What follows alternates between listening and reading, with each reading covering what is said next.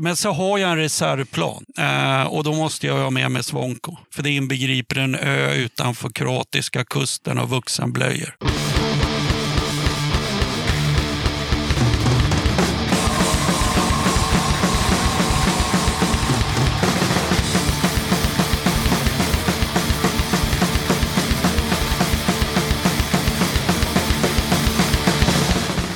Tjena! Varmt välkommen till avsnitt 29 av Döda katten Podcast. Vi börjar som vanligt med lite speltips och musik. Jonk.se och Döda katten Podcast arrangerar en spelning tillsammans nu den 29 april. Då är det jänkarna i Total Chaos som står på scen på Bengans på Stigbergstorget. Total Chaos startade för 28 år sedan i Pomona Valley i Kalifornien och har sedan dess turnerat världen över over and over again. Deras stil må ha förändrats genom alla plattor de har släppt och ibland har det dratt mer åt hardcore-hållet medan vissa plattor doftat mera oj, streetpunk, men det har alltid handlat om punk på ett eller annat sätt. Så passa på att se ett legendariskt punkband från USA för endast 100 spänn. Var smart och ta ledigt om du kan eh, dagen efter, för det här är ett söndagsgig och dagen efter är det valborgsmässoafton och dagen efter det, ja, då är det röd dag i form av första maj. Med andra ord, jobbar du inte helg och tar ledigt den 30 april så får du fem dagars sammanhängande ledighet och kan kröna din weekend med att gå på en grym spelning. Det finns endast 80 biljetter, så boka din redan nu. Under kvällen kommer Mika och Crash Mange leverera grym musik från DJ-båset. Har du aldrig varit på gig på Bengans så kan jag berätta att det är jävligt schysst. Det är litet, det är intimt, bandet kommer nära publiken, eller ja, publiken kommer nära bandet. Och eh, det finns också en bar med helt okej priser. Så sammanfattningsvis, spelningen äger rum söndagen den 29 april på Bengans Stigbergstorget i Göteborg. Vi öppnar dörrarna klockan sju och bandet kommer börja lira runt åtta. Biljetter fixar du enkelt på ticketmaster.se eller på Pusterviks biljetter.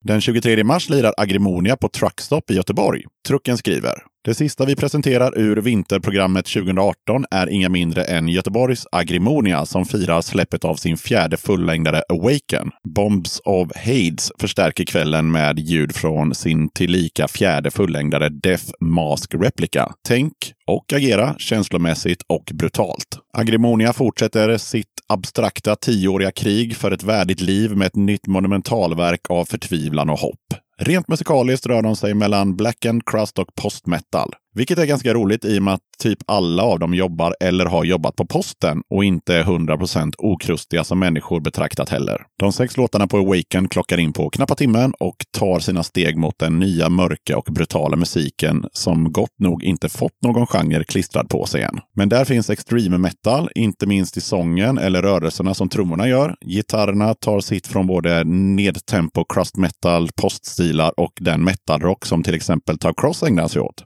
Det är vackert och krossigt. Men det är bättre att du lyssnar själv, som alltid. Bombs of Hades har kanske fler referenser till genrer i sina ljud. Aggressiv, mångfacetterad och något old school death metal med sina utflykter till närliggande svartnande ljud ur underjorden. Produktionen på Death Mask Replica är brutal och något sparsmakad, låtskrivandet fritt och mycket effektivt. Sångens tydliga och konsekventa, nästan talande leverans understryker allvaret i det hela. Det här är musik på och för liv och död.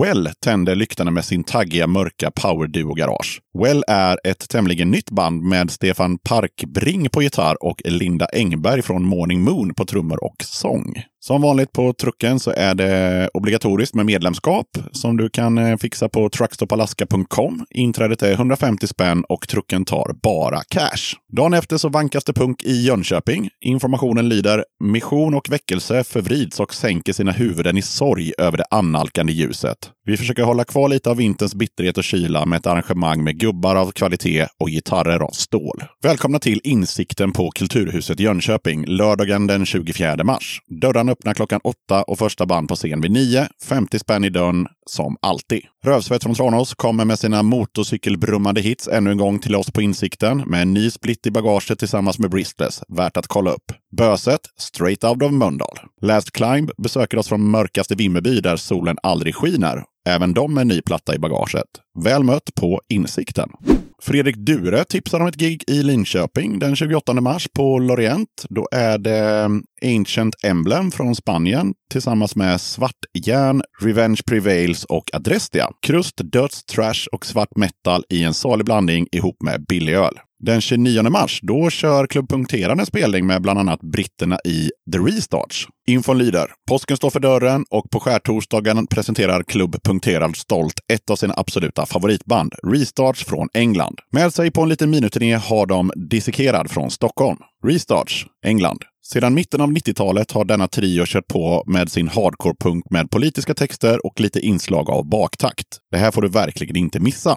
Dissekerad, Stockholm. Detaktsmangel från huvudstaden med folk från totalitär, makabert fynd, avskum med mera. Ja, ni fattar hur det låter. Drippers, Göteborg. Efter sitt bejublade framträdande på Musikens hus i januari är det nu dags för The Drippers att gästa Punkterad. Göteborgsbandet har med influenser från The Helicopters, New Bomb Turks, Glucifer, Turbonegro och The Studios tagit fram ett hänsynslöst sound med dubbelsång, skenande snabbhet och en vansinnig liveshow som krossar allt i sin väg. Gott blir det! Ja, det låter ju asgött. Eh, råpunk, eh, klassisk punk och eh, ja, fan actionrock tolkar jag det som på en och samma kväll. Det låter som en jävla skiva. För att komma in så krävs det att du är medlem i Punkterad. Är du inte medlem sedan tidigare så mejla till oskar.punkterad.se och uppge namn och personnummer. Dörrarna öppnar klockan åtta. Inträdet är 100 spänn. Du måste ha fyllt 18 år. Och eh, vart är det här någonstans? Ja, ask your local punk. Sen vill jag påminna om att det finns biljetter kvar till Club Slackers mäktiga gig den 6 april. Då lirar Seke, eller Sik, från eh, USA tillsammans med eh, Skitsystem och Puffball. Detta äger rum på Pustervik i Göteborg. Så ta och fixa biljetten på ticketmaster.se eller på Pusterviks biljetter. Vi ses där! Fredrik Dure hade ett tips till. 13 april, Klubb Helion, The Crypt Linköping.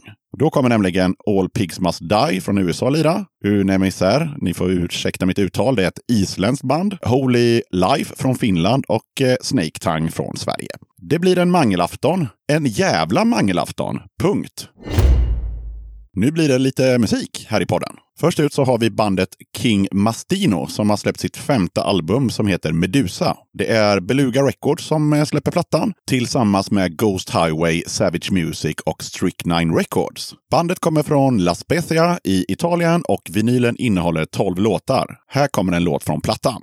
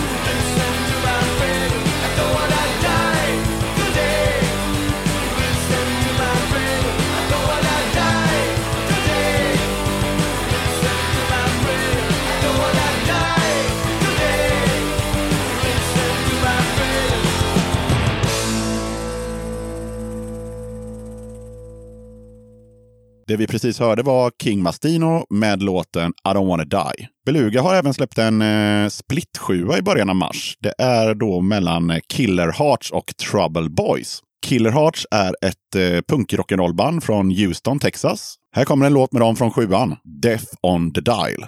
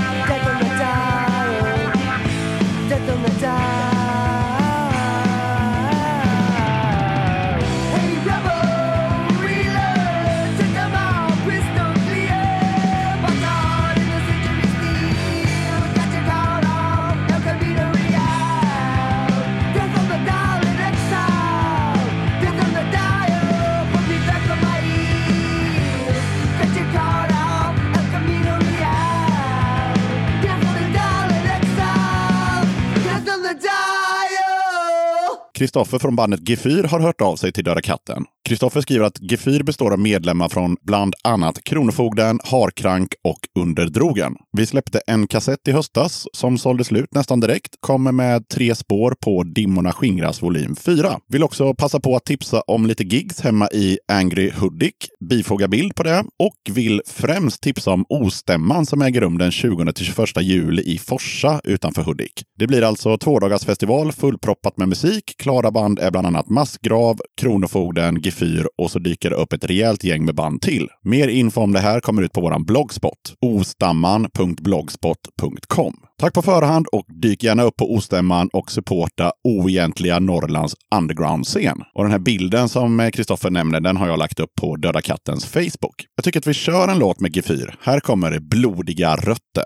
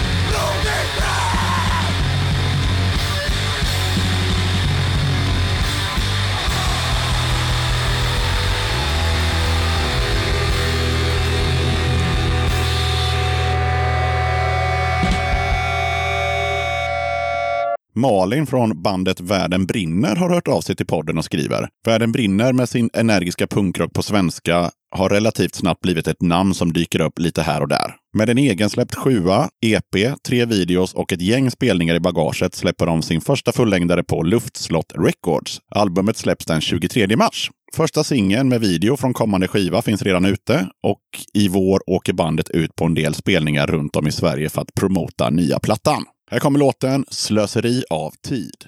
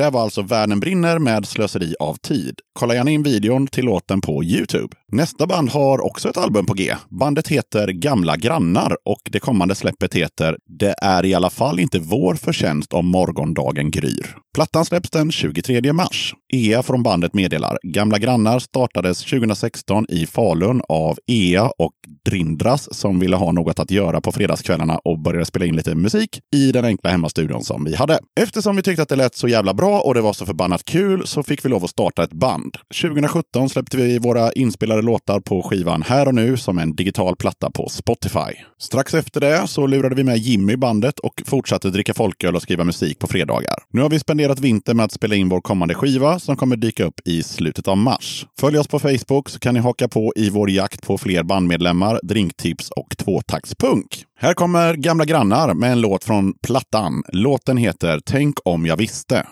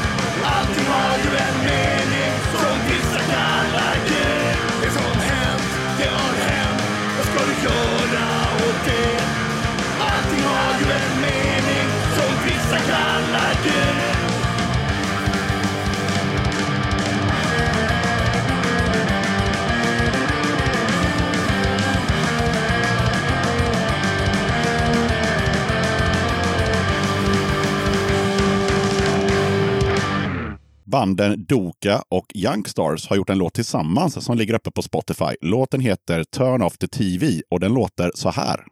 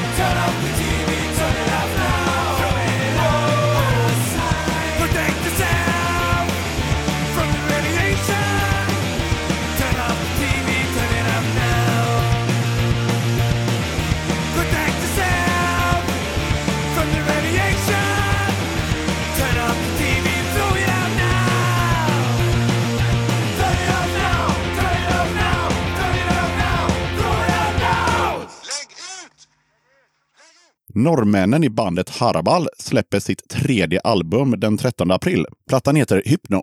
Bandet säger så här om kommande plattan. Hypno är utan tvekan vår starkaste platta och tanken på att behöva överträffa den är fruktansvärd. Det här är farliga spår och vi kan inte riktigt rekommendera dem till någon. Skivan släpps på bandets egna bolag som heter Fysiskt Format. Jag tycker att vi tar och lyssnar på ett spår från skivan. Här kommer Harabal med låten The Pit.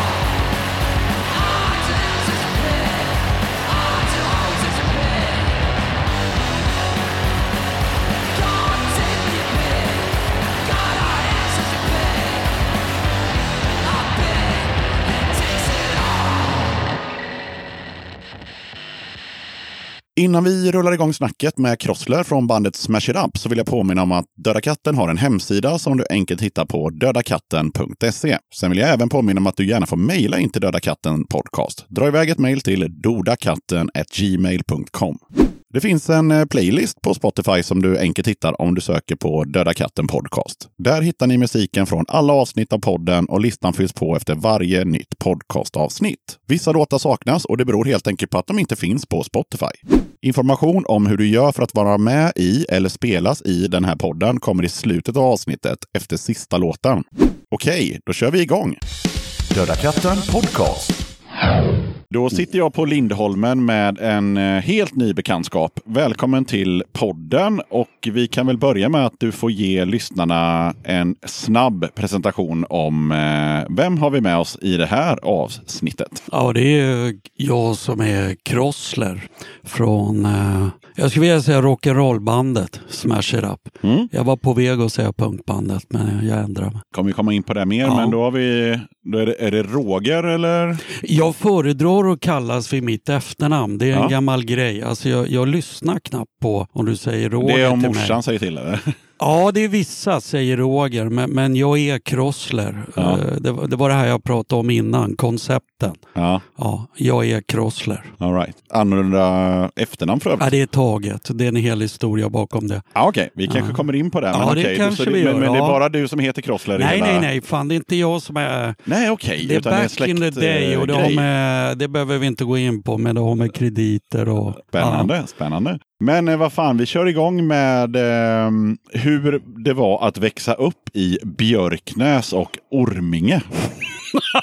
dessa, dessa, dessa metropoler. Ja, alltså Björknäs för det första, det går ju fan att beskriva. Björknäs ligger en bit utanför centrala Stockholm efter en, en stor jävla bro där Värmdöleden fortsätter utåt mot Gurra. Svänger man höger där så hamnar man i en liten håla som kallades Björknäs. I den hålan låg en brandstation och eh, ett, några stycken alltså hyreskaserner. Björknäs ligger i Nacka som redan då var en av Sveriges rikaste kommuner. Så man kan säga att jag växte upp i en väldigt liten alltså betongförort som inte ens var en förort. Okej. Ja, ja det blir jätte... Alltså det. Ja, ja. vad Ja, fan men det, ska jag men det, men det är ingen jämföra sån, det det är med? ingen sån miljonprojekt-grej liksom. Nej, det är en del utav det i och med att det finns de här punkthusen. Men de var inte lika höga som i övriga. Och, och, och det är likadant Orminge där jag spenderat tonåren till följd av en skilsmässa då, så jag har flyttat till farsan. Det, det är ju inga höghus. Det är Nej. jätteidylliskt och grönt. Men Okej. det är en förort. Ja, men det är inte Alby liksom. Eh, nej, de åkte ju till oss på 80-talet och handla. Okej. Så var Orminge. Mm. Det var bra grejer där. Ja, men det, okej, men eh, för att svara på frågan egentligen, hur var det att växa upp där? I Björknäs skulle jag säga att det var Astrid Lindgren land och det är det här som är paradoxen då. Att eh, det var en fruktansvärt bra sammanhållning kring den här brandstationen. Allt eh, rörde sig runt den. För oss kids, eh, de vuxna, du vet det var julfester och det, det mesta. Och, och, och många utav oss, Alltså växte du upp i det svenska folkhemmet på något yes, sätt? ja. där har du det. Tack. Ja. Jag är så präglad av det svenska folkhemmet och Norén. Mm. Ja, men det är. Ja, ja. Alltså det här eh, mamma, pappa, barn. Ja. Ja, Alla grannar i, i det här fallet då, eh, vilket jag märkte ute hos polarna i Fiskis. Här kände alla grannar varandra. Och de visste vilka barn och vem som tillhörde vem och vem som kom hem i tid, vem som skulle hem och käka. Och det var en jävla trygghet. Mm. Samtidigt som vi hade fullt utrymme att ställa till det utav bara helvete.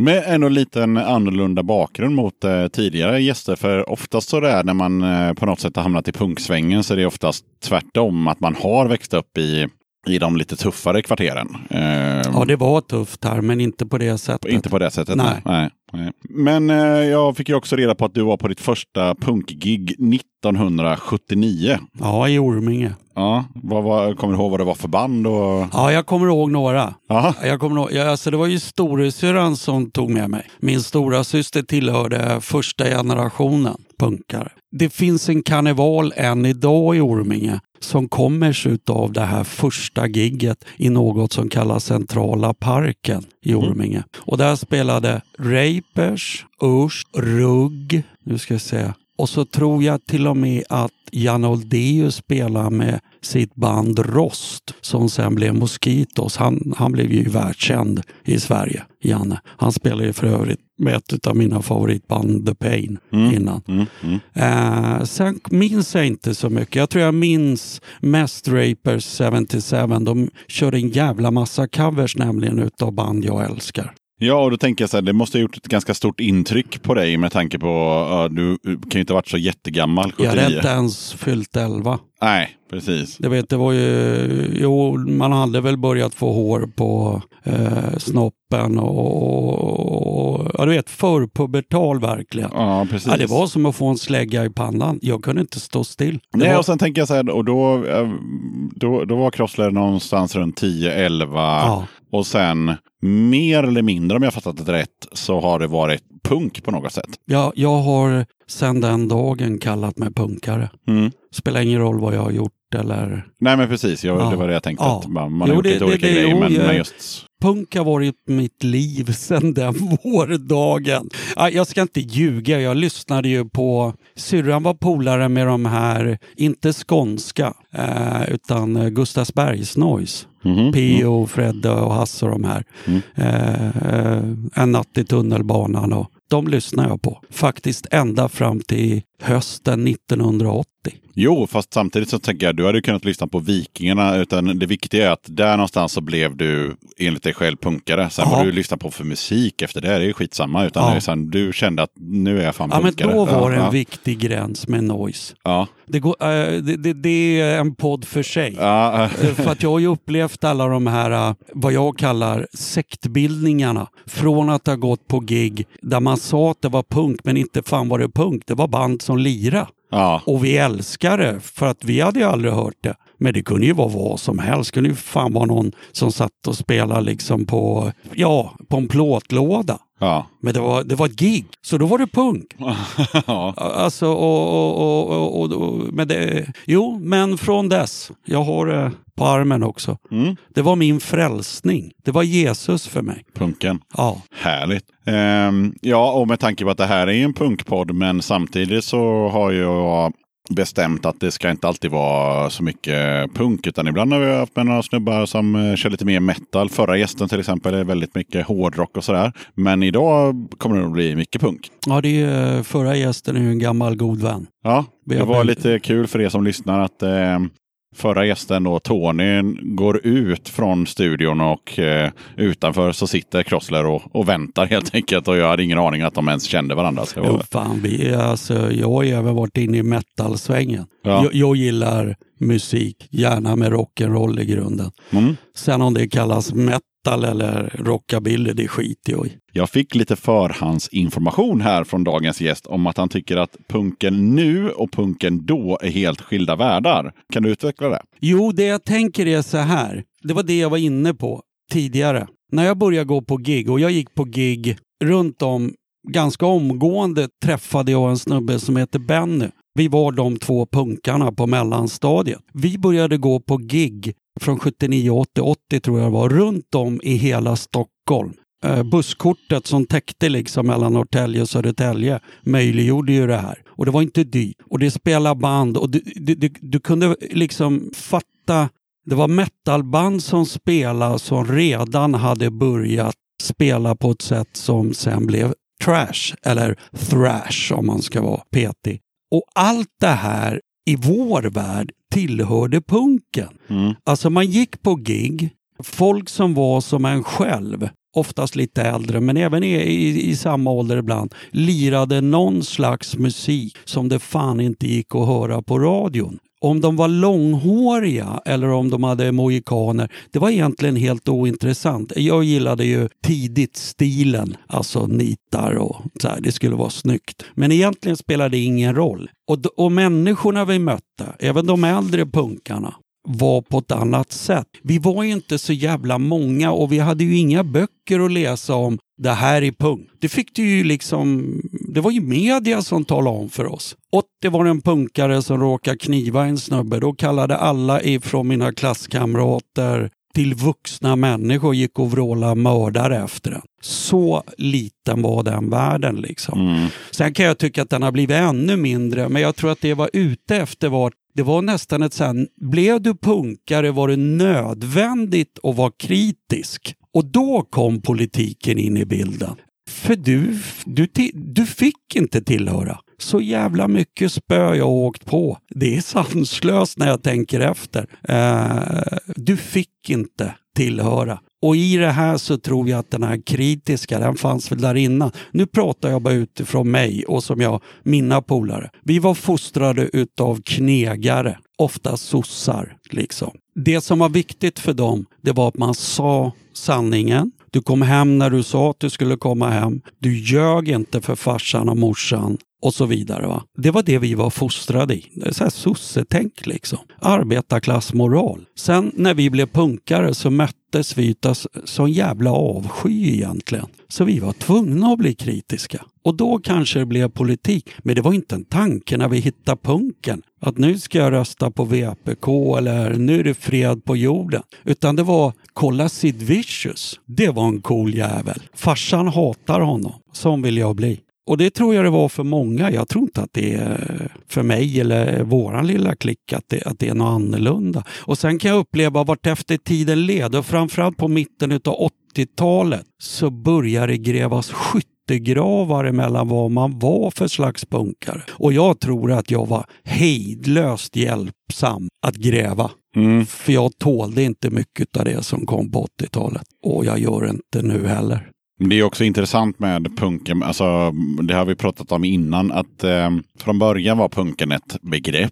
Alltså någonting Ja. som du sa som var med i tidningarna. Liksom, det, var som en, det var som en ny modefluga. Det, det är Ja, någonting ja, som man ska fan. skriva Ja. om. Liksom. Det här är punk, så här, det är någon säkerhetsnål hit och dit och Sex Pistols och sådär. Och sen så på 80 och 90-talet så blir det liksom en eh, någon typ av eh, rörelse istället. Och det är ju då när egentligen eh, pressen helt har tröttnat på punk. Det är ingen som orkar skriva om det längre. Det är då de här eh, små arrangörerna börjar köra liksom punkig och ja, hela, hela punken eh, blommar fast det är ingen som vet att, det, att den blommar. Det är Nej, det som är grejen. Nej, och så många gig jag har gått på. Och jag har ju, och det, det, det är ju fler, då, jag vet inte om du har pratat med fler som hängde i, i, Stockholm på den tiden. Nej, Men- det är faktiskt första Stockholms-inputen. Ja, jag- jag så det är jättekul här. att du är med och får... får eh, vi, har pratat, eh, vi har pratat punk i Göteborg, vi har pratat punk i Malmö, vi har också pratat punk i Blekinge. Ja. Men vi har inte pratat punk i Stockholm, så det är jättekul att du är med som som får ta den delen av, av landet.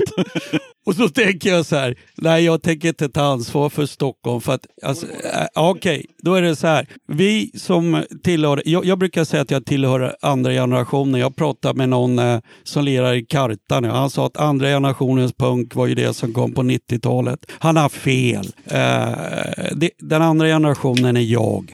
Eh, det var vi som trodde på det banden sjöng om. Vi som blev frälsta, inte bara av säkerhetsnålen, utan eh, om Clash, hörde jag Clash sjunga White Riot, då var det så. liksom. Vad fan, jag, ju, jag var ju inte ens tonåring. Liksom. Och, så, och, så, och så, som jag förstår har jag en del bokstäver, så jag tar saker på, alltså seriöst. blodigt, blodigt allvar. Ja men för fan, Ja. säg inte till mig något du inte menar. Jag är sån. Stå inte på scen och utge dig för att vara något du inte är. Jag blir rasande. Jag vet att det är fel på mig men, men eh, då är ju punken utmärkt. För jag har hittills inte träffat någon punkare som inte är skadad på något sätt. Eh, väldigt få i alla fall och, och det älskar jag också med punken. Men, men grejen var, vi hade Ultrahuset. Vi hade Birkagården. I Åkersberga låg det lokaler. Alltså, det, det, överallt på 80-talet så lirade band hela jävla tiden. Och det var ingen socionom som stod i dörren och sa du full, du får inte komma in. Nej. Nej. Vi fortsätter med eh, att gräva lite i Krossler och eh, då tänker jag så här, kan du berätta lite om eh, det allra första bandet du var med i? Åh, vi hette Runk. Bara en sån sak. Ja, och sen så skrev vi ju givetvis med, med svart tuschpenna P-U-N-K och så la vi till med blått så att det blev ett R så folk skulle fatta att det var punk då. Och, och så med ett streck blev det rung. Ja, väldigt snabbt döpte vi om oss till Nasty Boys. Eh, men det fanns ju redan ett band. Jag tänkte just säga Ja. det, här, det fanns ju redan. Och det är alltid Benny, för jag, Benny och jag, och vi har fortfarande historia. Jag, jag åker med Smash It Up i maj till Tyskland bor nu och lirar på hans klubb. Vi är fortfarande bröder, vilket är underbart. Eh, men det är han som har koll på det här med punkeriet egentligen, så det är honom du borde snacka med. Jag köpte inte en skiva, han köpte alla. Han bestämde vad vi skulle heta. Han bestämde vem som skulle göra vad i bandet utan att säga någonting. Första låten skrev hans storebror som på den tiden trakterade trummorna i ett band som hette Avfall. Och det är inte det Avfall som har blivit känt. Det här Avfall var tidigare. Och den låten hette Boman is a fucker. Och så enkelt var det på den tiden. Mm. Boman is a fucker, han är överklass. Dra åt helvete. Vi hatade villaungarna. Vi var hyreskasern. Men ehm, Sen hade vi två villaungar i bandet. ja, det, det får man ta. Ja, men vad är, vad är, vad är om man inte har dubbelmoral? Jag menar. Nej, men det var eh, ja, så var det. Så var det. Men eh, okej, efter eh, det här bandet då, var... Ja, då blev vi Animal Bondage. Samma band, men vi repade då. Men As the Boys och Runk repade vi ju inte. Vi Nej. gjorde bara skivomslag och skrev låtar, texter, tog foton. Allt det här som jag fortfarande håller på med och i samma skala. För någon framgång har jag inte rönt. Eh, det höll vi på med då. Egna omslag, eh, titlar, eh, stil, hur skulle vi klä oss, hur skulle vi stå på scen, ja, du vet rubbet. Eh, men sen började vi repa. Och när vi började repa då så blev en snubbe som heter Palle av med medlemmarna i sitt band Avfall. Och vi hoppade in, vi som var Animal Bondage, och började kompa honom. Så första gigget, om jag inte minns fel, var på Ultrahuset. Vi skulle lira före ett eh, eh, helt underbart band som heter Trojne som var systerband med avfall. Kängpunk liksom. Så jävla sjuka killar, jag älskar dem. Och deras gitarrist blev så jävla full. Vi skulle spela två låtar, Jag skiter och, och Anakin UK. För det var vad vi hade repat. 82 var jag 12, skulle fylla 13 tror jag. Eh, och vi fick en halvtimme. Och det var liksom min första scenkontakt. Det var 82 på Ultrahuset. Men eh, vilka band har det varit sedan dess i någon slags kronologisk ordning? Oh, det är ju fuck. Alltså, jag minns ju inte delar av 80 och Ta, ta, 90-talet. ta dem du kommer ihåg. Det är rätt många faktiskt. Eh, nu ska vi se. Animal Bondage blev, eh, och det här vet jag inte om jag ska säga, men jag gör det ändå. För jag tror inte han lyssnar på din podd, just den här killen det berör. Vi hette Stinky Choice and the Boys. Och då hade det kommit in en kille från Fiskis i bandet, om jag inte minns. Nej, det var senare. Släpp det. Stinky Choice and the Boys. Och det stinkande valet var trummisen. För vi ville egentligen inte ha med honom, men vi behövde en trummis. ah, okej. Ja, så var det. Sen blev det Stinky Boys. Och det bandet eh, hade vi ett tag och gjorde ett gäng gig med. Eh, Om jag inte minns fel fick vi till och med rätt bra betalt vid något gig. Vi spelade förband till Glorious Bank Robbers i Fiskis.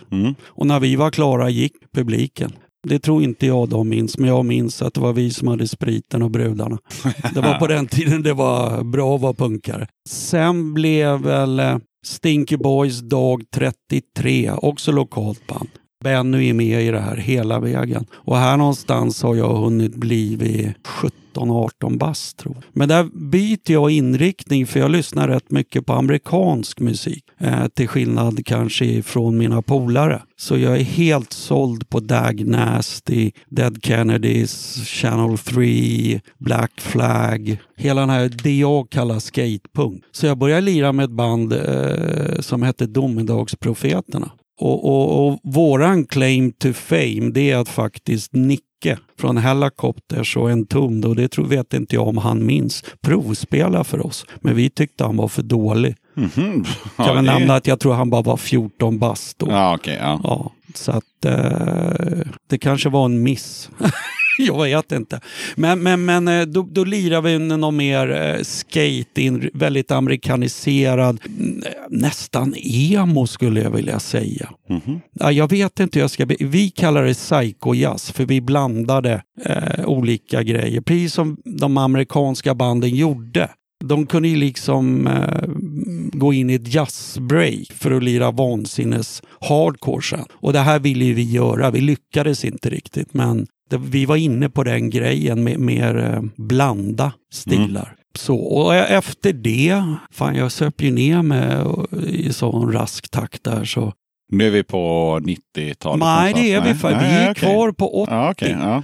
Och det, jag får hoppas snabbt till eh, 87-88 då. Det här är ju fortfarande mitten på 80-talet. Men 87 och framförallt 88 som har präglat mig i hela mitt liv. Det var ju den sommaren som Ultrahuset var ju ockuperat och jag bodde där mer eller mindre tre månader. Under den tiden så eh, 87-88 så hade, då hade den här Palle dykt upp igen. Med gitarristen ifrån Trojne. Och jag hade med mig Benny och sen en gammal polare på trummor. Så startade vi ett band som hette Silvias Juveler. Ett väldigt politiskt punkband.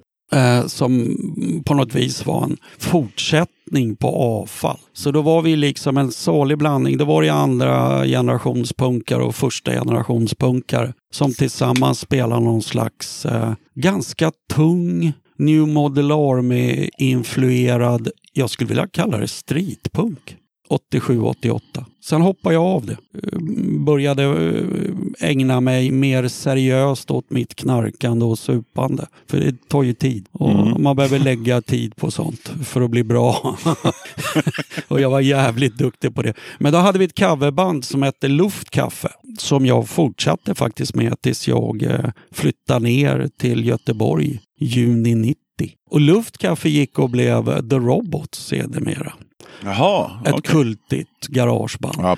Så innan Odd började sjunga så var det jag. Ja, ja. Och, och det har jag varit bitter över många år för de blev ju mycket bättre när jag lät dem vara. Så enkelt var det. Men det är underbara killar och, och, och, eh, sådär.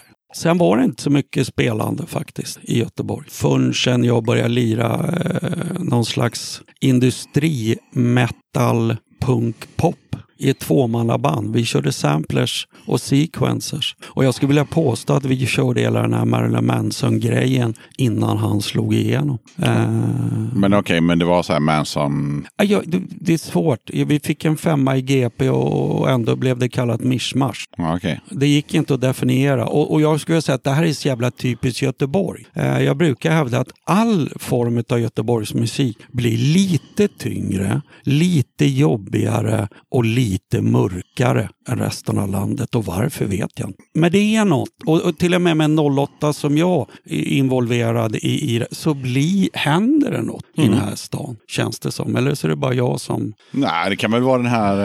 Eh... Jag tror är vindarna vet från Jag tänkte havet. precis Ja. säga det, för det är samma om du kommer till Hamburg. Alltså det är... Ja, Jag gillar det ju. Alltså, för att, Ja, sli, slitiga industristäder med, med pissiga vindar. Liksom. Det, ja, ja. Och jag älskar det. Jag är ju kvar. Jag älskar ju Ja, det, är- det, är Göteborg. ju- Ja. det är jättekonstigt. Du Ja. du är som en, eh, vad han nu säger, Sting, alien in New York. Ja, jag är väldigt mycket 08 fortfarande. Ja, det hör man ju. Ja, fanatisk Hammarbyare och, och eh, Stockholmspunk är överlägsen och, och allt det där. Jag har det i mig. Men du har bott här sedan 90. N- juni 90, jag har bott där längre än i Stockholm. Det är sjukt att du pratar så mycket stockholmska. Men det är ju den jag är. Jo, men alltså, vart, vart tror du jag är ifrån? Det vet jag faktiskt inte. Nej, jag tänker just på dialekt. Dialekten. Ja, Ja, du är inte göteborgare ursprungligen. Nej. Är du 08? nej. Var fan kommer du ifrån Nej, då? exakt. Ja, du var lite sån här mer... Eh, Någon slags Ja. overall-dialekt. Ja, det har du. Ja. Ibland hör man liksom... Ja. Lite västkust. Ja. Småland. Men jag pratar ju inte som Emil i Lönneberga heller. Nej, det gör du verkligen inte. Alltså, Nej. jag tillbringade eh, en del somrar där nere. Ja. Eh, hör också till punkhistorien. Jag såg Exploited i Karlshamn 82. Nu är Karlshamn i Blekinge i och för sig va? Ja, men vi, jag bodde på gränsen Ja, där på precis. somrarna. Ja, ja. I Ryd. Det- Jag tror det är gränsen Blekinge, Småland. Småland. Ja, precis. Och det enda jag minns det var de här tjejerna när, när de pratade om sin mamma Alltså det Må, här, Ja. Och jag fattar inte. Men, men de var jävligt vänliga och jag fick se Exploited, Hanoi Rocks, Tigers of Panther, Overkill såg jag i Karlshamn och bara jag brukar säga det till Svånko, basisten i bandet, för han är ju trash metal-snubbe. Att jag såg dem innan han ens visste, vad det var. Så att, ehm, nej, det var en upplevelse. Då var jag 12 tror jag. Men eh, vi har inte gått igenom alla banden va? Nej, Nej. vi pratar precis om industri, eh, det här Mm, bandet. mm, och mm. industri fel ord. Pop, punk, hård, mm, synd. Något. Ja. eh, det föll samman och mycket tror jag tack vare, alltså, då, då jag var ju ett fyllo under, under stora delar av 90-talet. Eh, hade extrema problem med alkoholen. Till slut bestämde vi att det här leder ingenstans. Vi vill lira rock'n'roll och, och, och vi vill att det ska låta som Ramones möter Motorhead via Union Carbide typ. Mm. Alltså någon garage där. Eh, Och, och startat ett band, eh, jag och den snubben, som hette Speed Freaks. Just det. Ja, och det var 98. Och ganska snabbt så värvade vi Svonko som eh, lirar bas i Smash It Up nu. Vi gick igenom vissa trummisar och sådär. Men, men till slut kom det in en hårdrockare och vi skaffade en ytterligare en gitarrist. Jag skulle säga bandet satte sig väl inte förrän vi egentligen blev av med originalgitarristen och blev fyra igen. Och, och, och målet var ju att lira, alltså jag döpte ju bandet efter låten Speed Freak med Motörhead. Jag älskar ju Motörhead. Mm. Vem är inte Ja, alltså, ja, jag menar det. Älskar man inte Motörhead, din, ja vad ska man säga? Nej, då har jag ja, inget att säga. Nej, det finns inga ord för sådana människor. Eh, jag minns till och med min första pin jag tjackade med Motörhead. Jag gick i sjuan. En sån här glasad metall Mm. med, eh, som jag säger, War, Warpigs, Snaggletooth. Snaggletooth? Ja. Japp. Eh, och sen dess har jag älskat Motörhead. Vi kan också flika in här eh, att eh, jag var någonstans i Växjö tror jag som ligger i Småland eh, och köpte en eh, backpatch med eh, Snaggletooth. Och så kom jag hem med den och jag kanske var tio år gammal och eh, då fick min mamma sy på den på min jacka. Det var ju bara att det var ingen tuff jeansjacka utan det var en vanlig sån, du vet, ja, blek ljusgrå sommarjacka. Så det blev ganska töntigt. Men, eh, men Snaggletooth är aldrig töntig. nej, Nej. precis. Det var Eh, punk. det var, det var punk. Och det Ja. roliga var att eh, sen så fick jag het, sen hette jag Motorhead under hela, under hela ja, när jag var 10, 11, 12, 13 år gammal där. Eftersom jag hade en, en, en, en Motorhead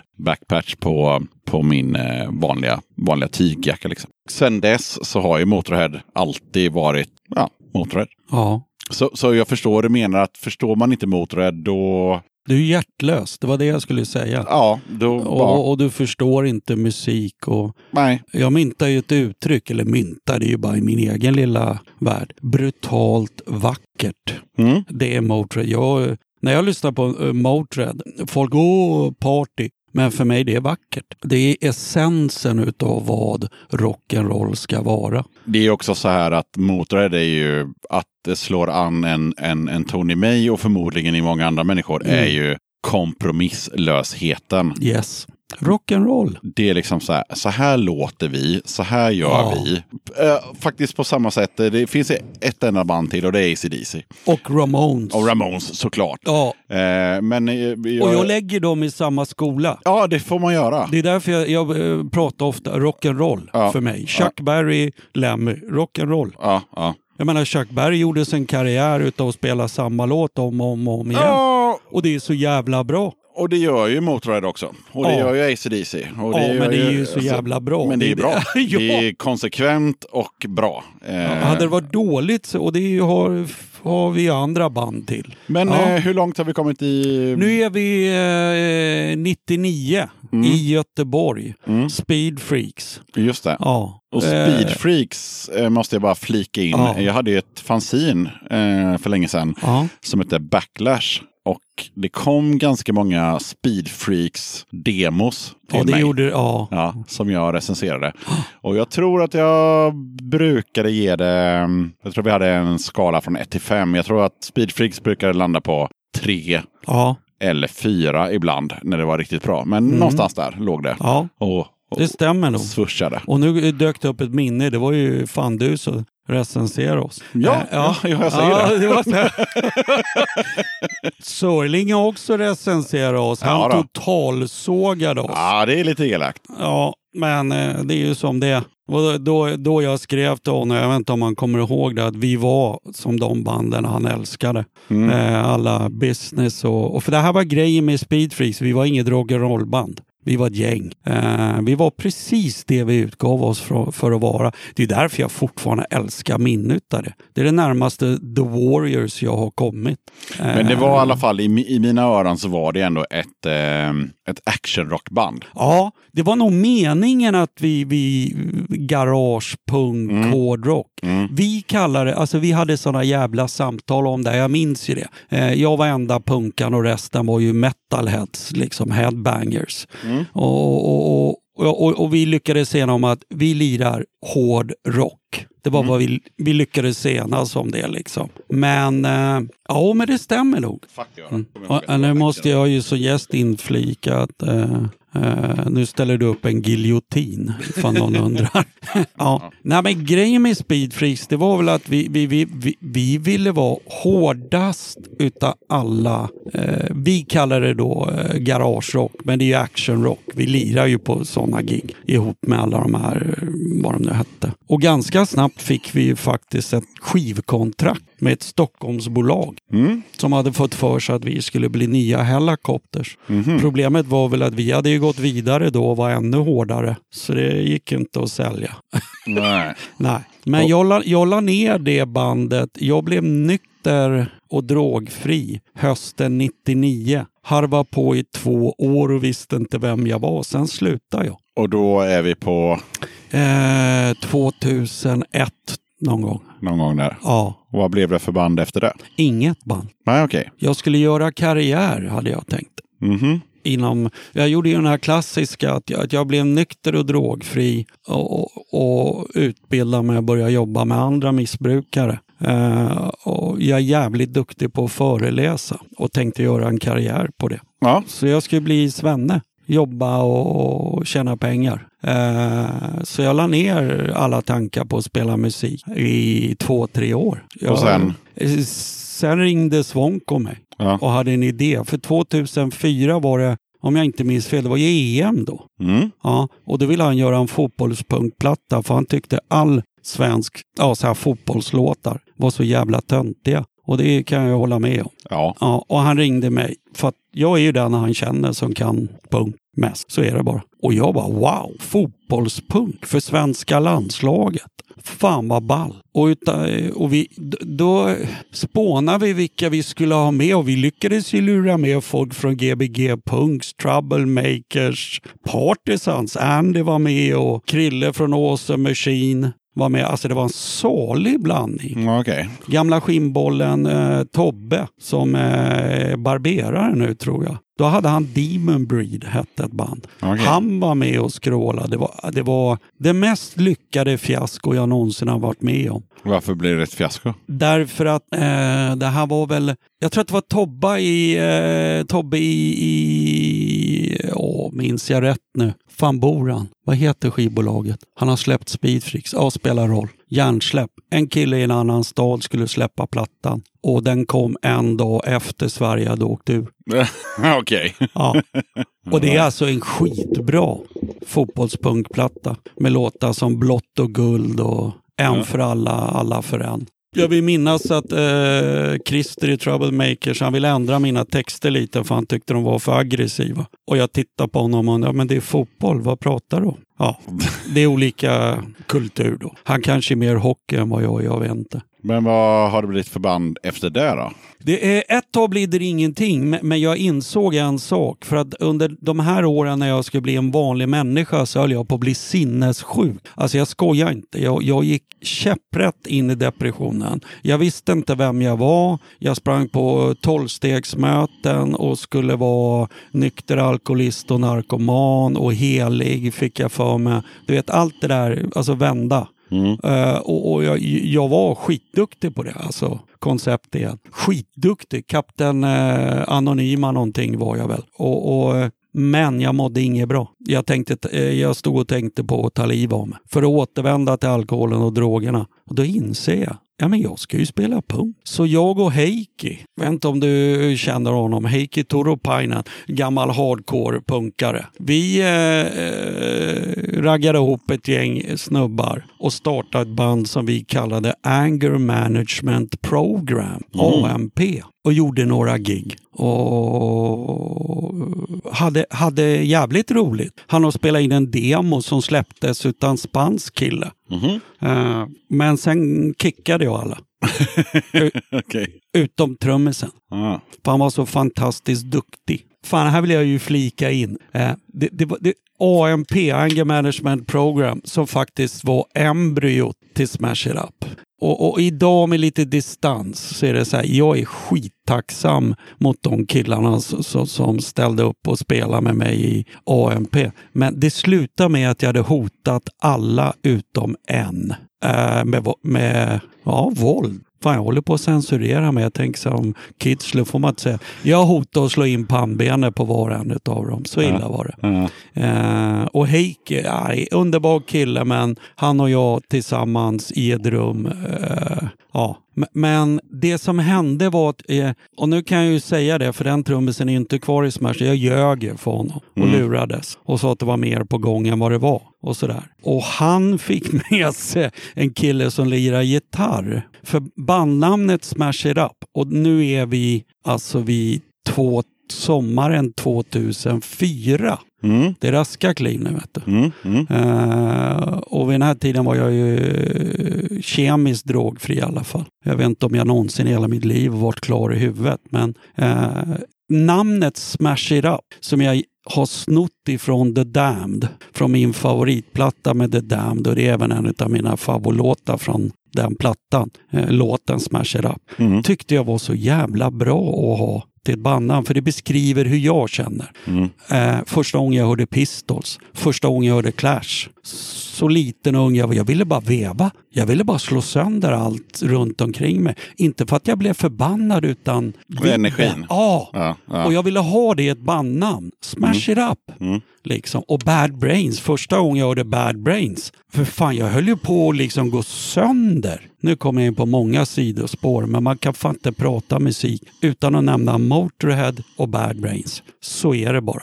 Ja, trummisen fick in en gitarrist. Basisten Svonko, som jag också kallar bror. Jag har två bröder. Det är Benny i Tyskland, Svonko i Floda. Jag älskar dem, de är familj. Han hade precis slutat ett band och var lite så här, han var eh, inte bara lite jävligt desillusionerad. Det, här med, man, det är lätt att få törnar, i, det vet ju du, vad det gäller vänskap i band. När man drar åt olika håll. Folk behöver kickas, eller behöver, man gör grejer man kanske enbart gör i andra relationer. Man ställer till det. Eh, så han var lite lätt less på musik.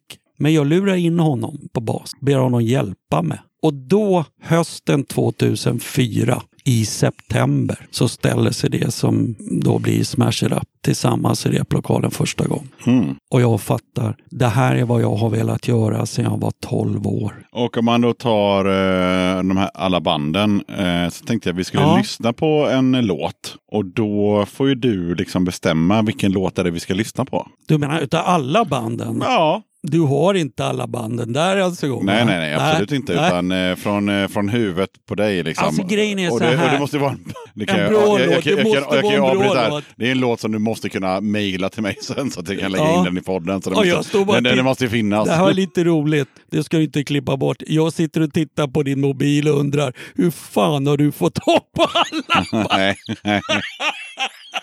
nej så, så bra är det inte. Jo, så bra är du. Utav alla de banden så skulle jag vilja givetvis att du lirar Smash It Up. Mm. Ja, och du kan välja vilken låt du vill ifrån senaste plattan. West Coast eh, Democracy. Något som passar dig. Okej, vi kör en eh, Smash It Up-låt helt enkelt.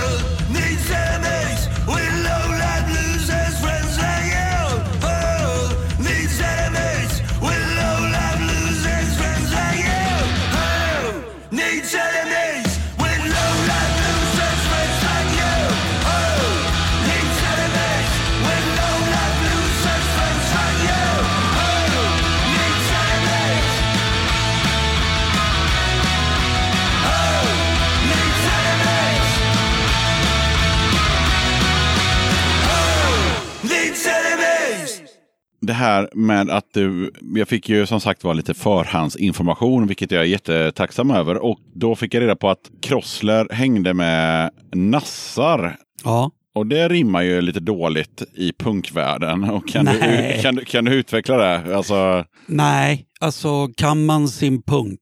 Eh, Det finns en grupp på Facebook som heter Jag minns min punk. ja, absolut. Och- jag är med där. Du är med där, Ja. ja. Och de minns inte sin punk. Eh, när jag blev punkare fanns det alla slags punkare. Det vi hade gemensamt det var att vi var punks. Du hade punk som drog åt höger, som drog åt vänster, som sket i allt. Jag eh, jag är koncept igen. Jag, jag är en konceptmänniska. När jag blev desillusionerad, jag, jag var lite politiskt aktiv ett tag när jag var tonåring. Och så upptäckte jag både med vänstermänniskor, så kallade anarkister, vad det än var, så var det bara jidder. Det var bara luft, det var bara ord. Man, man, eh, man, man sa en grej och sen när det hettade till gjorde man något annat.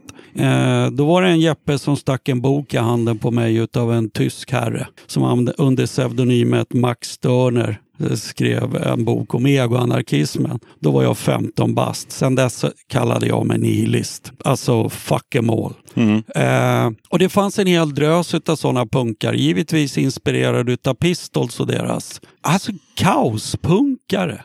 Liksom. Ta ingen skit från någon. Punkare. Och under alla år jag, jag har varit punkrockare så har jag sprungit på eh, skinheads, rockers, sli, alltså alla de här. Jo, men jag Ja. tänker bara så här typ att just, just nass, nassar är ju ändå i min värld väldigt långt ifrån punk. Ja, det kan man tro om man inte vet vad som är bakom. Eh, för de tidiga punkarna så var hakkorset ingen politisk grej. Nej, det vet jag. Nej, och det var det inte för de här som jag hängde med i, i slutet på 80-talet. Och att jag började hänga med dem, det var för att de övriga punkarna, och, och jag ber om ursäkt redan nu om alla ni andra minns det annorlunda, men jag vet ju att jag har rätt, eh, sprang så fort det blev trubbel. Och från att jag var 16 bast och eh, började hänga inne på stan så var det eh, en, en, ungefär 95 procent utav alla jag blev slagen utav, om det inte var skinnbular, de, de var de här 5 procenten. Ja, ni ljuger, de var 4 och 1 procent var vid snuten. De övriga var alltså andra generationens invandrare som gav sig på mig, för jag hade ju nagellack för fan. Ja. Alltså jag såg ju bögig ut och du vet sjalar, jag älskar ju Hanoi Rocks. Så jag körde ju all, allt, nagellack, smink, sjalar, du vet. Eh, det gillar inte de. Och sen var jag eh, högljudd, eh, full, påtänd. Eh, så efter ett tag, i slutet på 80-talet så eh, i min känsla så, så var ju invandrarna de som var emot mig som punkare. Eh, då hittade jag andra punkare som hade samma erfarenheter. Men de hade dragit en politisk slutsats utav det här. Det hade inte jag gjort. Mm. Eh, men däremot, de hade något som de här andra punkarna inte hade. De skyddade mig så fort det var något. De sprang in. Men var du liksom i nazipunksvängen helt enkelt? Nej, alltså no, vi var punks. Ja. var, det, vi var punks och vissa utav dem hade de åsikterna och, och sen gick vidare. Eh, jag menar, jag gör ingen hemlighet utav att under en period, 80 och tidigt 90, så var min bästa polare 19 som sjöng i Midgårds söner. Mm. Eh, han var verkligen min närmaste vän. Han och en kille som heter som, var, som blev skinnbula och som också var nasse. Fortfarande är det, enligt sig själv. Och vare sig då, nu eller någonsin kommer jag göra avbön för det. För de var polare. Mm. Eh, och för mig väger det tyngre än att de gick snett. 19 har ju skärpt till sig som fan. Han hoppar ju av med oerhörda följder. Han kom väl till samma insikt vad det gäller det som jag gjorde med min livsstil, supandet och knarkandet. För jag var ett jävla svin när jag söp och knark. Allt och alla. Och någonstans när man håller på med skit, har man hjärta så kommer man ju på det. Men jag tänker så här, har man hjärta så har man ju ingen eh, sympati för liksom nazistiska åsikter. Det är det jag Det handlar om Det- hat, Ja, inget okej. annat. Ja, okej. Ja. Det är bara hat. Och, och jag vid det läget så hatade jag allt och alla. Jag var en sån här klassiker. Jag gick på tjack, brass och sprit i, ganska stadigt. Eh, Jag var ju mer full än jag var nykter. Och var jag nykter var jag inte nykter, då var jag påtänd. Mm. Eh, och jag hatade allt, allt och alla. Jag, vet, bara prata om det så... Eh, och jag har ganska nära till det idag också. Men på ett annat sätt. Men jag, jag, jag, må, måste ändå grotta Ja, ner ja, i, i, den här nazigrejen. Liksom, för det Ja. är ändå så här, det är ändå det mest förkastliga som finns. Att, att sympati, sympatisera med Nazityskland. Liksom. Det, är liksom, ja, det finns liksom inget värre i min värld alla fall. Och, Nej, och jag tror att det var det som drev dem. Själv har jag aldrig varit nasse. nej. Nej, jag hävdade att jag var nihilist rakt igenom. Eh, och, och det gjorde ju de också, mina polare. Mm. Deras anledning till att de lät mig vara med, det var ju att jag var skogstokig. Och det visste de om, okej. men de gillade mig. Ja, Ja. De gillade mig. Och jag gillade dem för jag kände mig trygg. Och det här var, alltså folk får tycka vad fan de vill. Men redan då var det bra killar. Eh, de tog hand om mig. Jag klarade inte det. De tog hand om mig. Men liksom, jag tänker fortfarande så här, skrev du under liksom på att... Nej. eh, nej. Nej, fan heller. Nazigrejen Jag kan, liksom. jag kan säga att, och nu ska jag inte nämna några namn. För han nej, det kanske- behöver du absolut inte göra. Han kanske inte minns det, men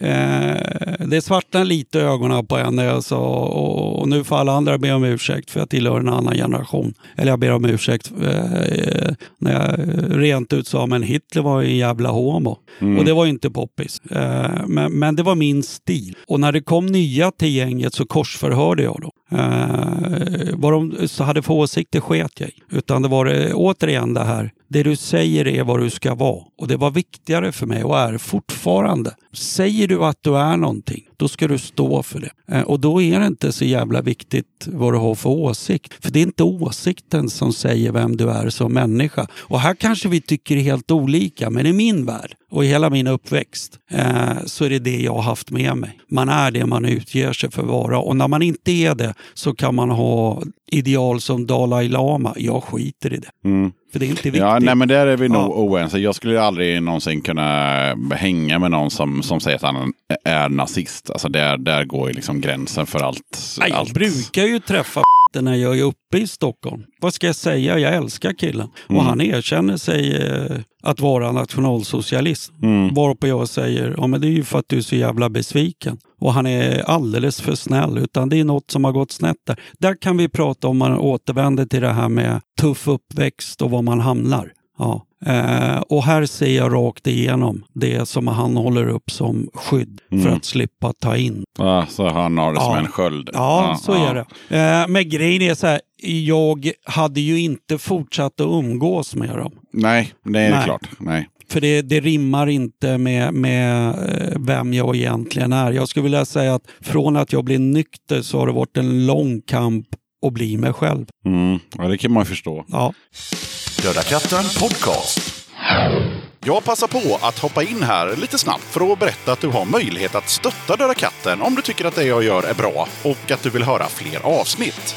Döda katten sträcker ut en hand för att få hjälp med att fortsätta leverera avsnitt om punk och alternativscenen med regelbundenhet. Att driva Döda katten podcast medför kostnader i form av ljudhotellshyra, porto, teknik, domännamn, program, inköp av merch, resor och en hel del annat. Om du vill hjälpa podden ekonomiskt så är det ovärderligt. Det hjälper mig att driva podcasten men även utveckla innehållet, dels gällande gäster men även ljudkvalitetmässigt. Du måste absolut inte vara en Patreon för att kunna lyssna på podden. Döda katten kommer alltid att vara gratis för dig som lyssnar. Men om du kan tänka dig att månadsvis bidra med några kronor så kommer ditt stöd verkligen att uppskattas. Jag gör inte podden för att tjäna pengar. Jag gör det för kärleken till punken, för alla möten med härliga människor och framförallt för er som lyssnar.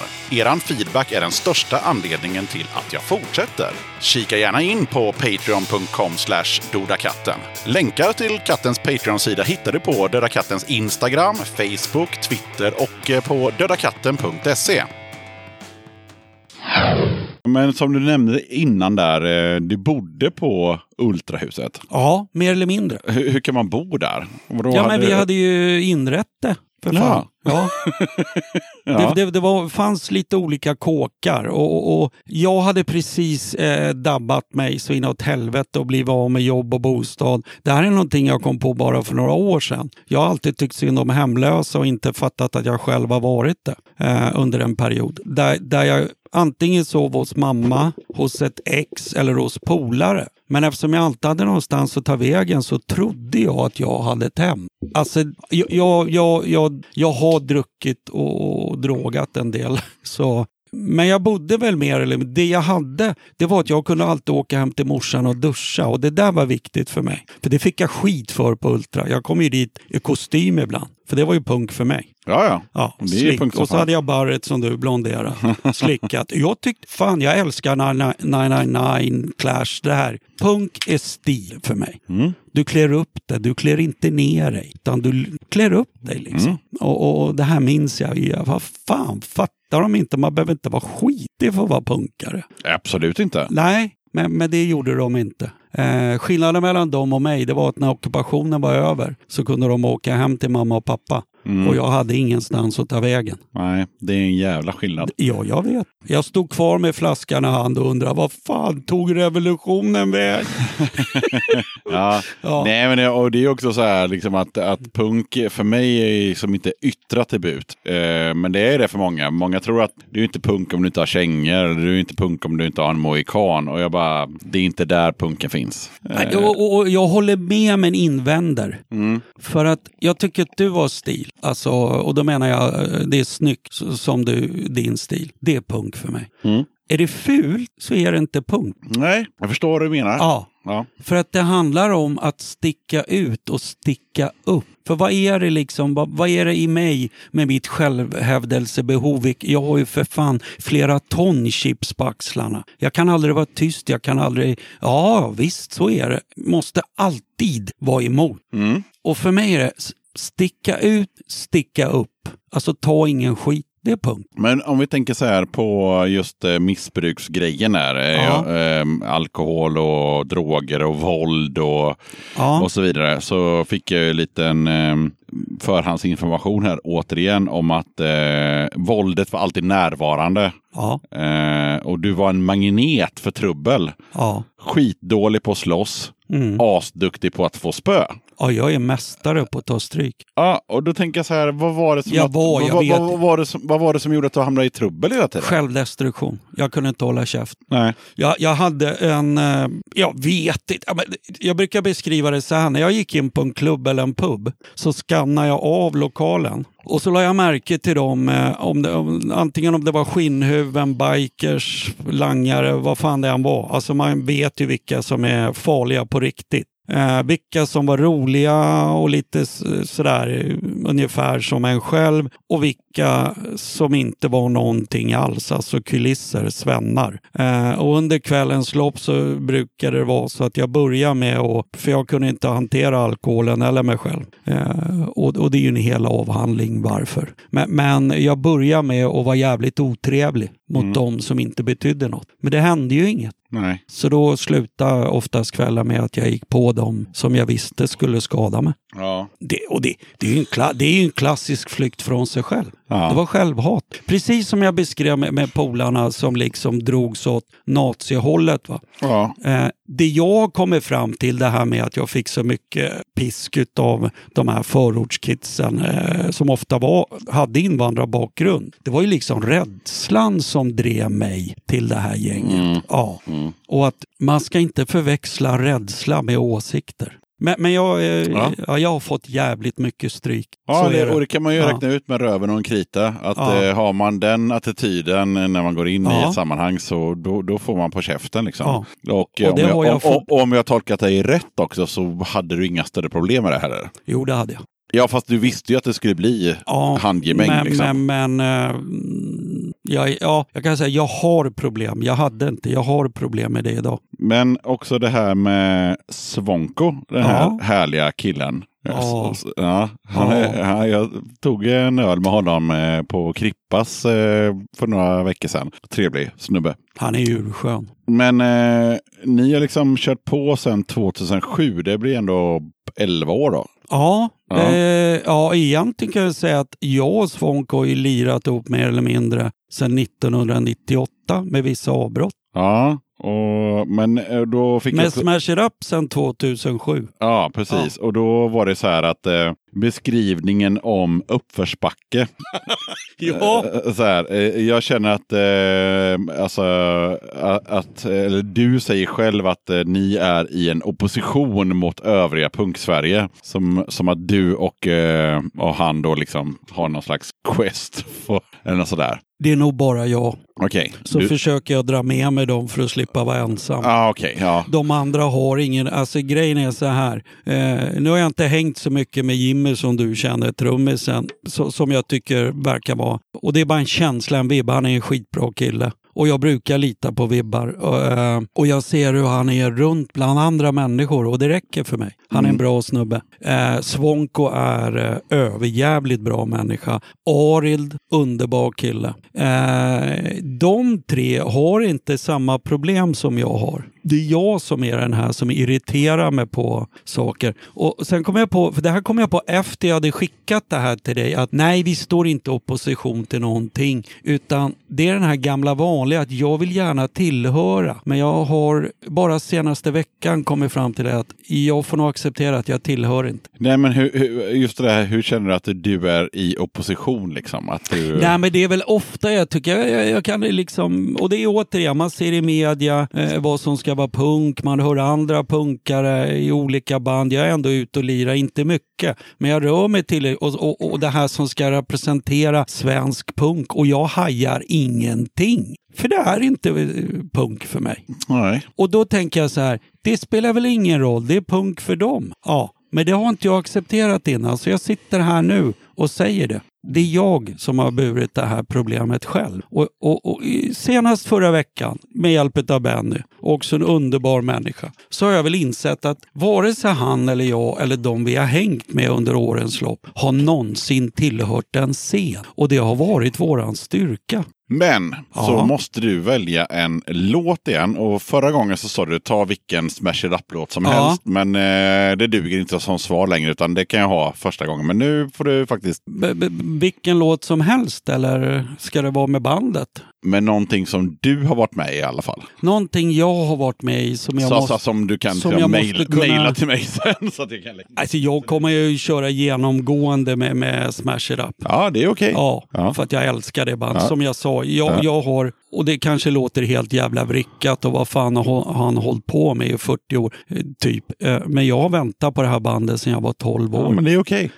Första låten var Friends Like You från plattan West Coast Democracy. Eh, den som jag har undrat varför inte den har blivit uppskriven mer eller varför folk inte har bokat oss. De har helt enkelt inte hört den. Ja, jag är så jävla nöjd med den. Och jag vet de flesta som lyssnar på den oavsett vad de gillar för musik tycker det är en bra platta. Mm. Ja. Eh, så första låten, Friends Like You. Och sen skulle jag vilja höra Done and Over ifrån eh, uh, Not Aiming Just Swinging. Då kör vi den. Skitbra.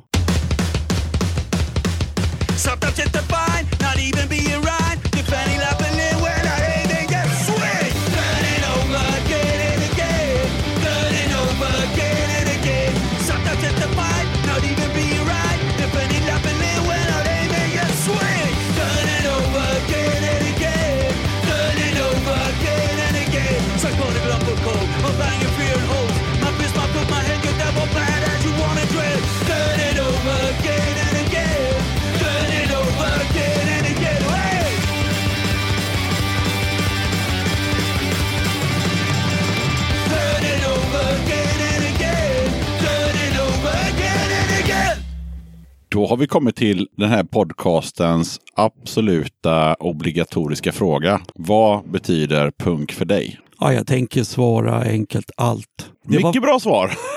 alltså grejen var, jag tänkte på det där när jag var på väg hit. Det var det enda jag tänkte på. Allt är punk för mig. Det, det är så här, och, och, så tänkte jag så här också. Vad är det som skiljer? Jag, jag säger att jag är punkrockare, men för jag är punkare.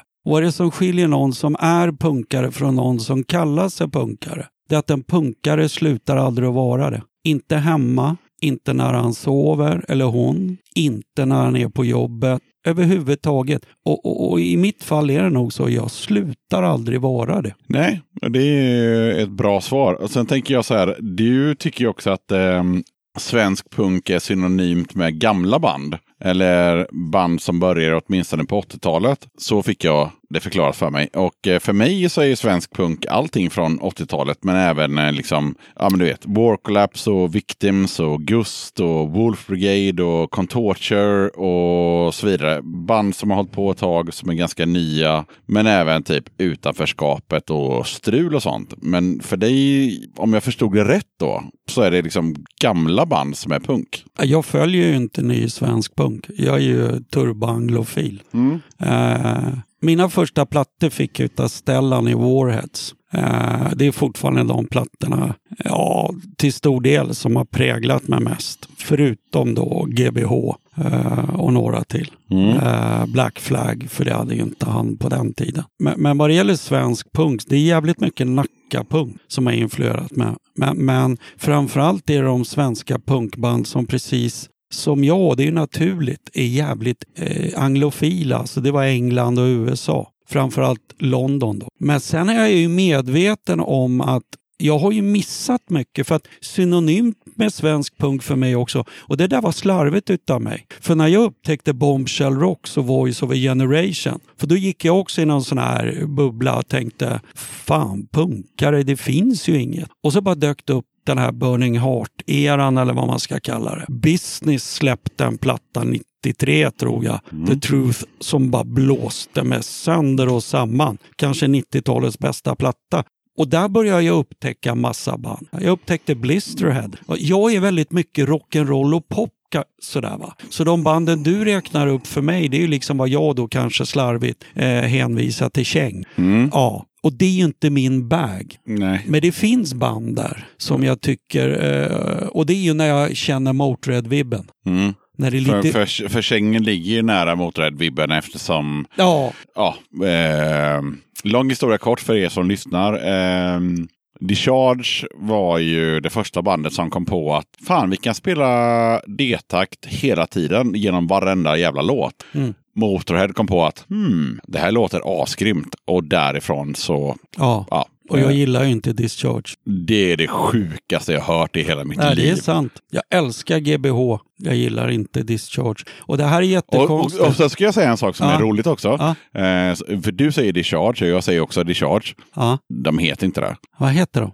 Discharge. Åh, nu blev det nördigt värre. Ja, för det är, näm ja, det är ja. nämligen en efter... Alltså Ja, det är ju att det kastar, kastar ut en... Ja, ja. Ja. Men vi är ju svenskar så vi säger ju discharge. Men Ja. de heter discharge. Ja, och det Ja. är ju faktiskt mycket tuffare Ja. oss emellan. Det är ju mycket coolare. Ja. Men jag slarvar med många så här bandnamn som... Men du gillar inte discharge alltså? Det är Ja, alltså sjukt. grejen är, nej, det där var fel ordval. Eh, jag gick aldrig in på det, alltså när jag hittade GBH och Discharge, det var ju samtidigt lite grann. Mm. Och då hade ju Ojen kommit och jag upptäckte den. Och jag gick loss på ojen så inåt helvete. Och var en sån här dum jävel som hävdar med blå att nej, alla skinheadsband de är liksom röda. Du vet, allt det här. För det var arbetarklass och, och, och jag, jag tror jag var bland de första i Stockholm som målade oj på skinnpajen och sånt där.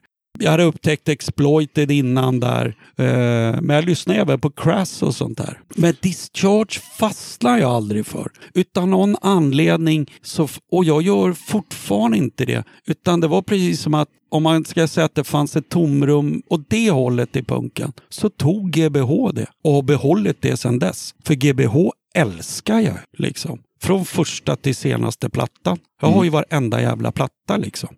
Och, men, men jag är ledsen och jag, jag vet, jag brukar ha den här, det här samtalet, väldigt kort då dock, med divan i Headons som inte fattar liksom vad det är för fel på mig. D- nej, för att... Och då brukar jag hävda att det är för att jag är mer rock'n'roll än du. Mm, ja, nej, det får stå för dig. Men... eh, ja! men, eh, Men jag fattar ju liksom att, eh, och, och jag är nog lite slarvig när det gäller samtida svensk punk. Det kan jag tillstå. för, för, för, för, för samtida svensk punk, då är det så här att allting som är råpunk Ja. Kommer från Discharge. Det finns inte ett enda band som inte har Discharge som liksom eh, the mother och då, då kan det ju finnas den här röda tråden som gör att jag inte dras åt det hållet. För råpunk för mig, det är ju GBH. Och det är ganska töntig, poppig eh, punk. Tycker- ja, säger du. Ja.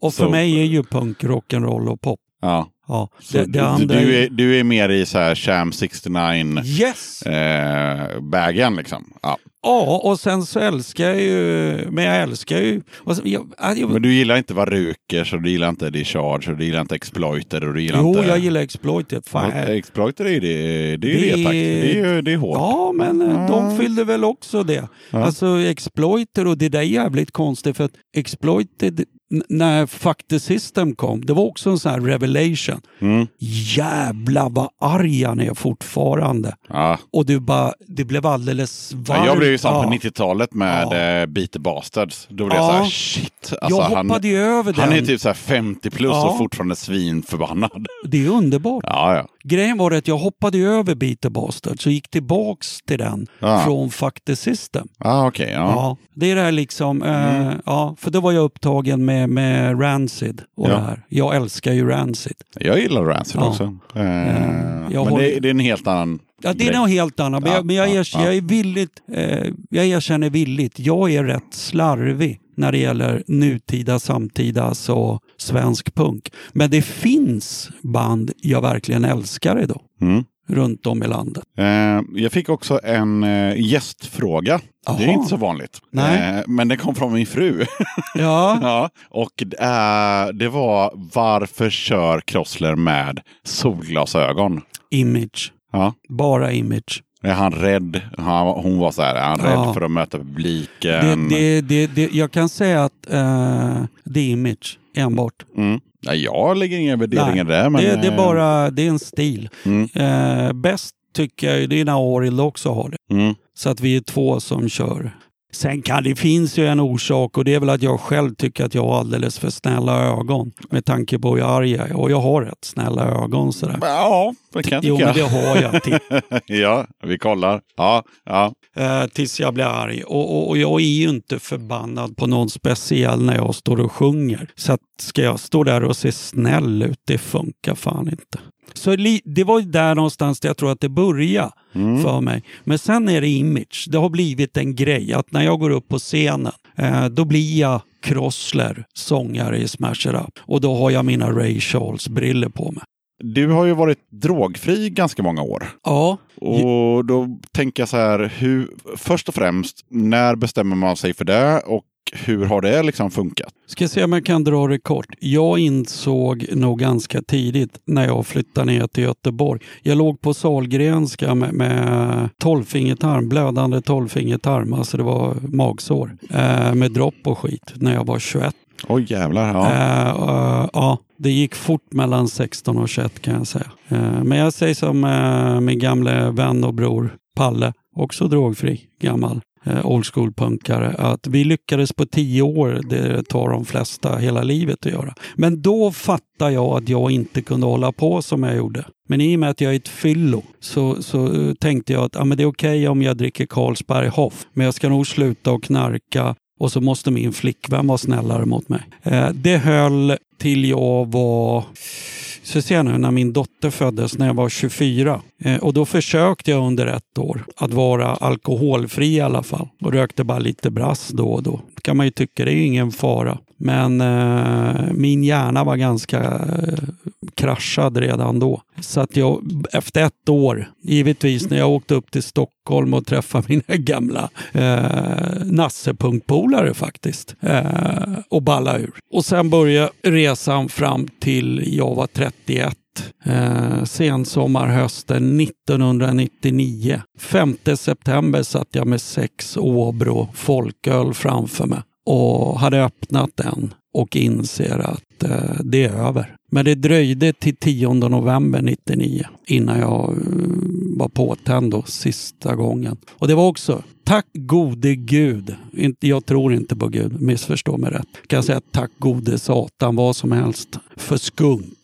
För jag rökte mig så jävla långt in i dimman så jag kunde inte gå, jag kunde inte prata. Jag stod nere på Yale House eh, som låg på Norra Hamngatan. Som, eh, Ja, just det. Ja. Ja, ja. Jag stod där i ett hörn eh, på en spelning ute i baren medan eh, Speedfreaks-medlemmarna gick med vattenglas till mig. Framåt. Jag kunde inte röra mig. Men det jag insåg tack vare skunken, det är att jag kan inte röra något, vad det än är. Ett mikrogram tjack gör mig till källarpundare. Jag, jag tror att det helt enkelt var så. Den dagen jag fattat jag kan inte låta bli, så la jag av. Så enkelt var det. Jag kunde inte säga nej ens när jag ville. Hur har liksom gått sedan dess?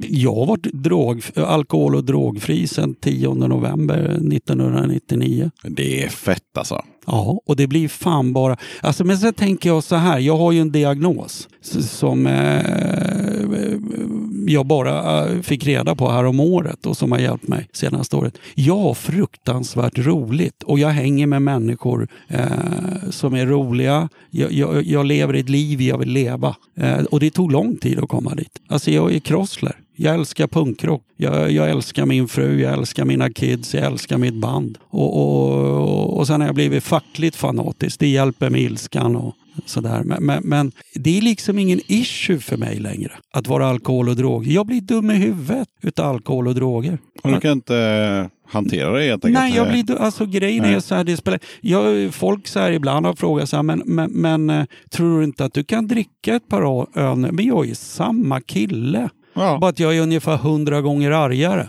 Mm. Ja, så att, och det, det är ett problem jag har, det är min ilska. Jag har inverterad stubin och det blir bara värre med åren.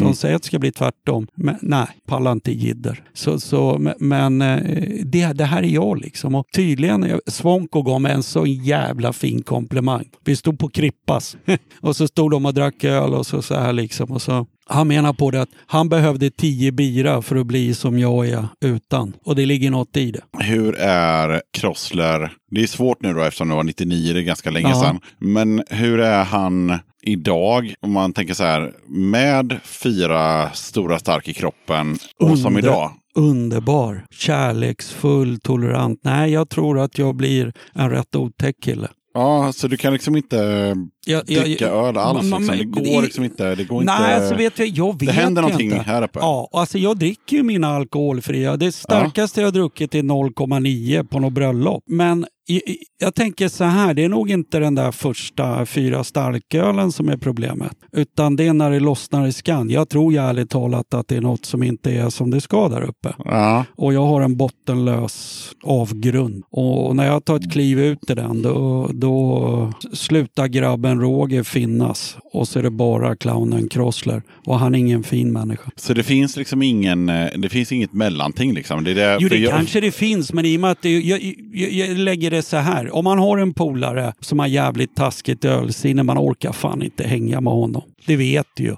Du kan älska honom nykter, men, men så börjar han dricka. Han blir bara dum i huvudet. Han blir otrevlig, alla fördomar, allt. All, all jävla klet som har legat, för det har vi alla. Alla besvikelser kommer bara i ett enda öldränkt paket. Som blir jag. Bara att jag blir som en målsökande missil. Jag riktar in mig på människor för, för att Så då är det helt enkelt allt eller inget. Det, det måste, vara, så. Det måste ja, vara så. Ja, för fan. Ja. Vi, vi säger det. Men, men jag, jag, säger, jag har taskigt ölsinne och det har jag haft länge. Så jag låter bli. Och jag kan inte knarka för att jag vill ha allt. Ja. Ja, det, du kan inte, det går inte att ge mig en påse. Här har du, det ska räcka över helgen. Det går inte, för en halvtimme senare så finns det inget i påsen. Sen spelar det ingen roll hur många gram du har tryckt ner i den åt mig. Och sen sitter jag i ett hörn där och slickar på den. Och, och, och, och, och jag, jag drabbas av avtändning innan det liksom är avtändning. För det här uppe i skam på mig.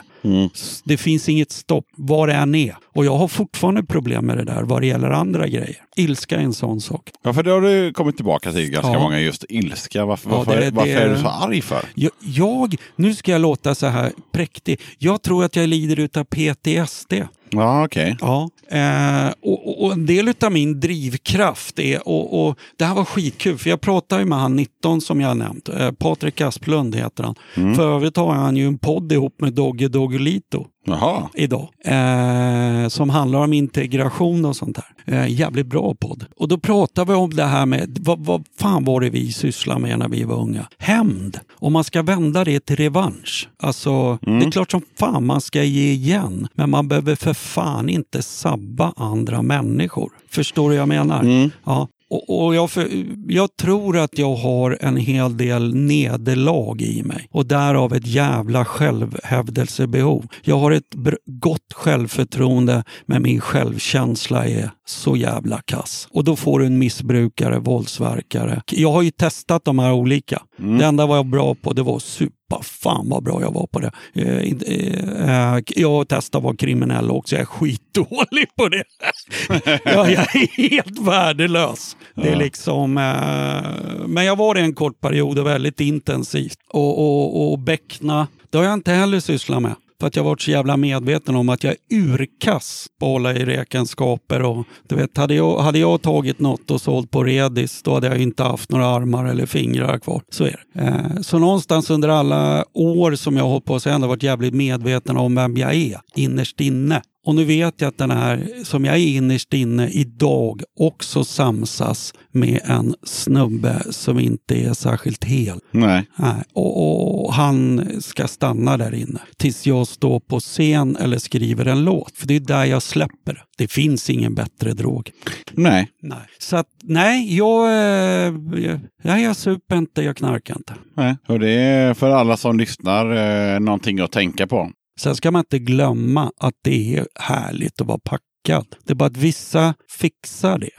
Ja, och, och, och jag skulle säga, när det roliga är mindre än det tråkiga, då är det dags att lägga av. Det är en bra sammanfattning. För det där, Hade jag, for, hade jag fortsatt att ha roligt, för det har jag haft. Jag jag är ingen jävla moraltant. Nej, absolut inte. Så, Utan, jag men det. men det, är, det är en bra sammanfattning när liksom det negativa Ja, blir större än det Ja, positiva. då- det är då du måste liksom Ja. så här, nu räcker det. Va- vad andra säger, tycker och tänker och det är jävligt skönt men det tog lång tid för mig att komma dit i det nyktra. Att det här var mitt val. Mm. Alltså det här, jag är bättre på att vara, att, att vara knäppnykter än med alkohol. Ja, Ja, jag, jag gillar allt bättre utan. Och, och nu har jag roligare utan än vad jag skulle ha med alkohol. Så varför ska jag byta? Men så har jag en reservplan eh, och då måste jag ha med mig Svonko. För det inbegriper en ö utanför kroatiska kusten och vuxenblöjor. Men det sen efter pension. ja, vi är faktiskt klara där. Men Mm. eh, jag tänker också att eh, har du någonting själv att tillägga? Ja, jag kan ju tycka att vi har pratat för lite om rock'n'roll. Kör!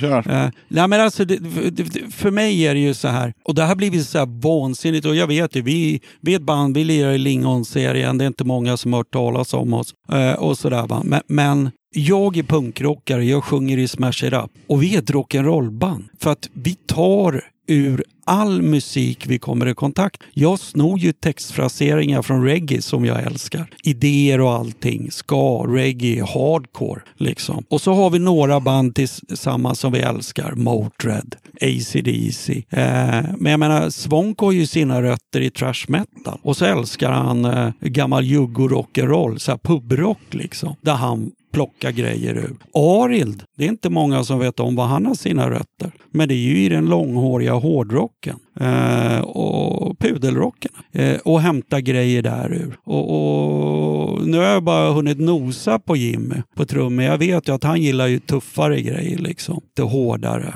Eh, Ja, sen Ja. har han ju sin grund i ja, liksom hardcore. ja, och det märks när... ko- Kortbyxor Ja, hardcore och det scenen. märks, ja, och det märks när han lirar på anslaget. Och när det kommer in och hur jag och Arild skriver låtar, för det är oftast vi eh, som skriver låtarna. Eh, eh, det är det som blir Smash It Up. Och egentligen är det en... Och det som jag fastnade med i den tidiga punken, det, det tror jag var att alla de banden, idag kan jag tycka att punk, ja, tillhör det den genren, vad det nu än är, då låter alla band likadant tillhör det, är det old school? Och jag bara, vad fan snackar de om? Ni låter ju alla som Champ 69. Det finns redan ett Champ 69. Lägg ner, liksom. De är skitbra Champ. Behöver inte 20 band till som låter som dem. I min värld så är det, det är rock'n'roll. Och när man lirar rock'n'roll så plockar man från hela traditionen. Eh, ifrån hela. Eh, så för mig är det viktigt att Smash It Up är faktiskt ett rock'n'roll-band.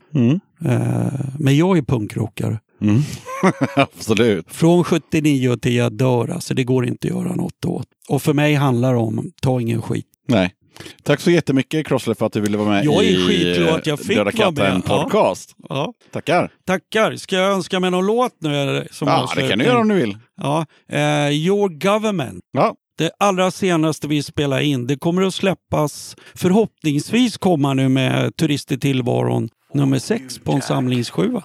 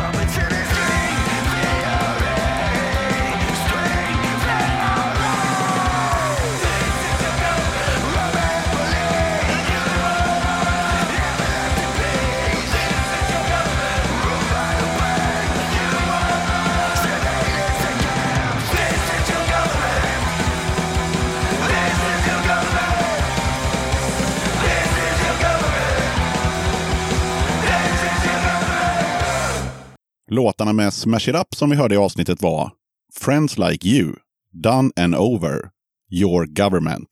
Tack som fan för att du lyssnade på avsnitt 29 av Döda katten Podcast. Jag vill tacka alla som hör av sig med feedback och skickar in låtar och till de som bjuder in sig själva som gäster i podden. Mer musik och fler gäster behövs till kommande avsnitt så tveka inte att höra av dig via dodakatten.gmail.com eller via Facebook eller Instagram. Maila gärna in tips om kommande spelningar eller precis vad som helst. Man kan också mejla om man vill vara med som gäst eller gäster i podden. Gör gärna det. Och till sist så vill jag påminna om hur du gör om du vill att du eller ditt band ska spelas i Döda kattens podcast. Då är det bara att mejla över en mp3 eller liknande format med lite information om artisten eller bandet. Återigen, tack för att du lyssnar. Ha det gött och så hörs vi i eh, avsnitt 30 som kommer ut den 4 april. Döda